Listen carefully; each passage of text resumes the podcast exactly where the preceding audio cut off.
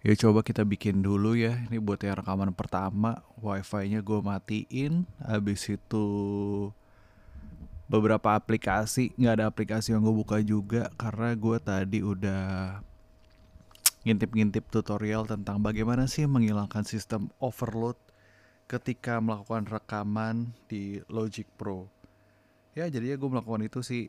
Habis itu buffernya juga gue rendahin sama apanya gitu. Tadi dikasih sama itunya sih beberapa beberapa apa tuh namanya? Ada beberapa rekomendasi sih empat bagian. Cuman gue cobain yang tiga ini dulu aja deh. Ini kan percobaan lagi kan. And then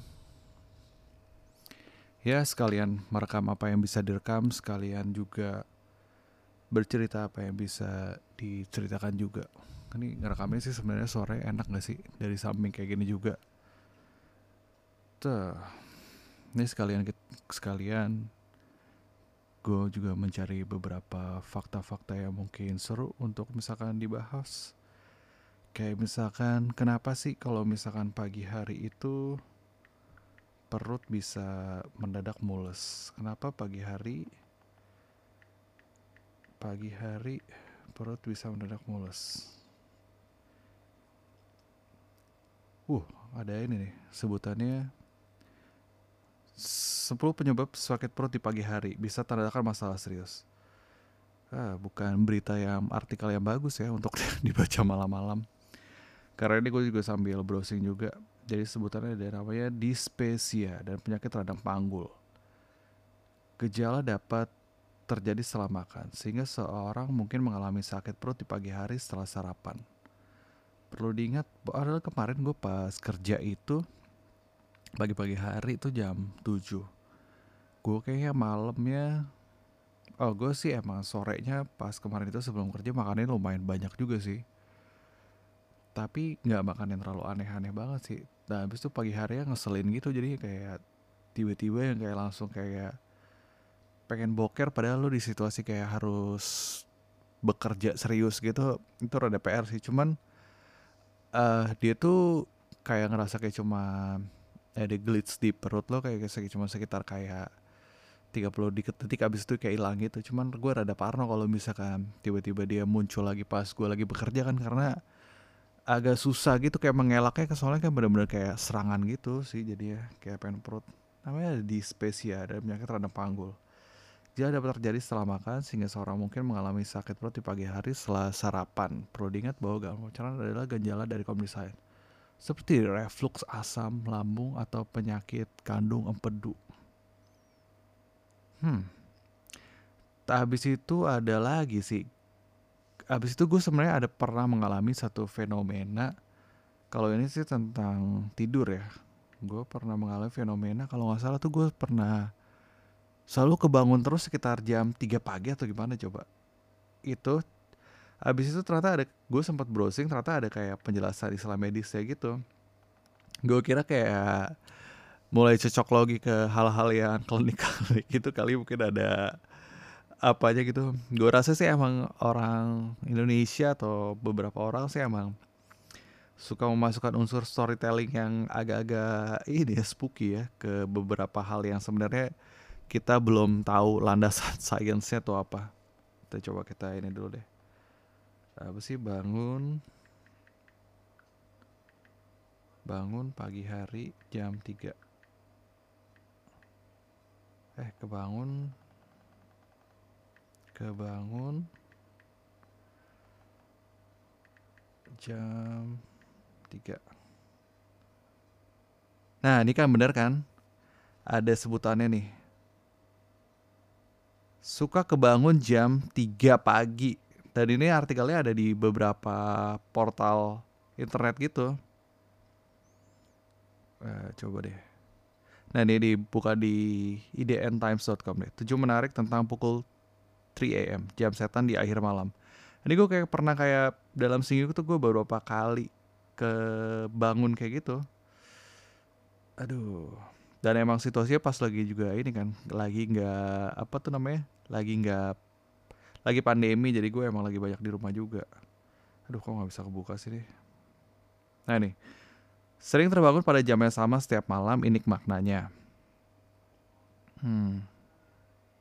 Oh ini dia. Periode eh mana sih? Periode waktu ter ini terhubung ke organ hati Anda.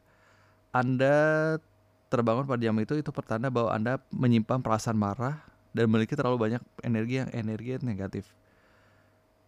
Itu satu dan tiga pagi. Terbangun antara pukul 3 dan 5 pagi. Terbangun pada jam ini terkait dengan paru-paru Anda dan merupakan tanda kesedihan. Untuk kembali bisa istirahat dengan tenang, cobalah berlatih pelatihan pernapasan saat Anda memfokuskan pikiran Anda dan mengekspresikan iman. Ah bukan ini kayaknya gue kemarin ketemunya bentar deh kok kayak lebih kayak ini sih bentar bentar, bentar. Nah, sering terbangun jam 3 pagi ini alasannya. Sering terbangun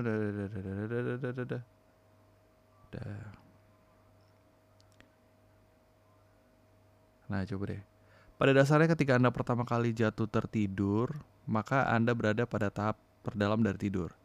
Tidur paling lelap atau fase tidur gelombang lambat ini berlangsung sekitar sepertiga malam atau berlangsung selama 2-3 jam, papar Dr. Stanley.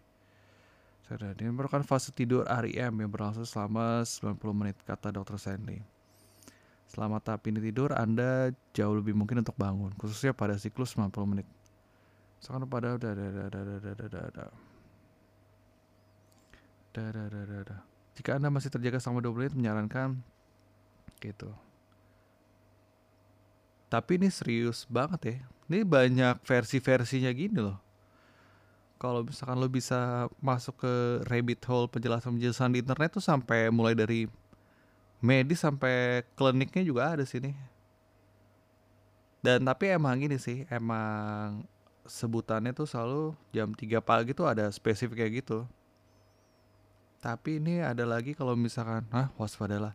Ini malah jadi lebih serem karena ininya berkaitan dengan medis. Coba tiga malam, repeat aja. Hmm. Ucap penulisnya perdana banyak ada beda pulas. Tapi bisa tuh udah mana tapi tidak bisa Apa kemarin lagi banyak pikiran gue ya? Kayaknya nggak juga sih. Tapi ada sedang memberi organ tertentu sedang aktif. Anda kerap terbangun organ yang dalam tubuh itu biasa organ hati. Ini kalau misalkan diplesetin buat jokes bisa nih kayak misalkan wah hatinya lagi kenapa tuh sampai kebangun-bangun terus sampai jam 3 pagi. Hmm. Ya begitulah. Habis itu gue juga tadi sempat keluar rumah. Gue mau cari tempat fotokopi sih untuk beberapa dokumen yang gue perlukan untuk uh, surat-surat penyurah tentang uh, rumah gitu. Gue cari. Kayaknya ternyata hari minggu juga kan. Ternyata tukang fotokopi dekat tempat gue juga banyak yang tutup sampai akhirnya gue tadi sempat ke daerah Tebet situ. Akhirnya gue fotokopi. Akhirnya gue juga ya kayak emang kalau pas lagi PSBB ini gue juga agak jarang juga sih. Misalkan keluar rumah ya kalau misalkan emang radiusnya kalau misalkan mau keluar juga ya paling ke ini beli belanja bulanan atau grocery store gitu. Lain-lainnya kalau misalkan makan ya udah. Paling kalau nggak masak ya go food segala macam kayak gitu. Sekitaran jalan tuh emang agak sedih ya gue kalau misalkan masuk kayak epicentrum tuh kayak situasinya tuh kayak banyak ini juga. Mulai dari beberapa restoran itu sampai dibikin kayak stand kecil kayak gitu buat mereka jual makanan. Even tuh kayak ya ini udah dari dulu sih pas dari awal-awal pandemi yang kayak Pizza Hut tuh sampai jualan di lampu merah gitu. Yang berapa pizzanya berapa potong mereka jual. seratus ribu gitu sampai jualan di lampu merah. Dan yang kalau gue lewatin ya aduh sepi banget ya kayak gitu-gitu. Kayak orang juga itu makanan ya makanan yang kayak emang makanan restoran sih emang makanan kalau misalkan weekend segala macam kayak gitu. Tapi bayangin gak sih kayak sektor-sektor usaha lainnya kayak misalnya kayak jualan baju kayak gitu kan kayak macam kayak gitu. Ya di situasi kayak gini udah bukan lagi yang apa yang mau kita tampilkan gitu sih sebenarnya kan.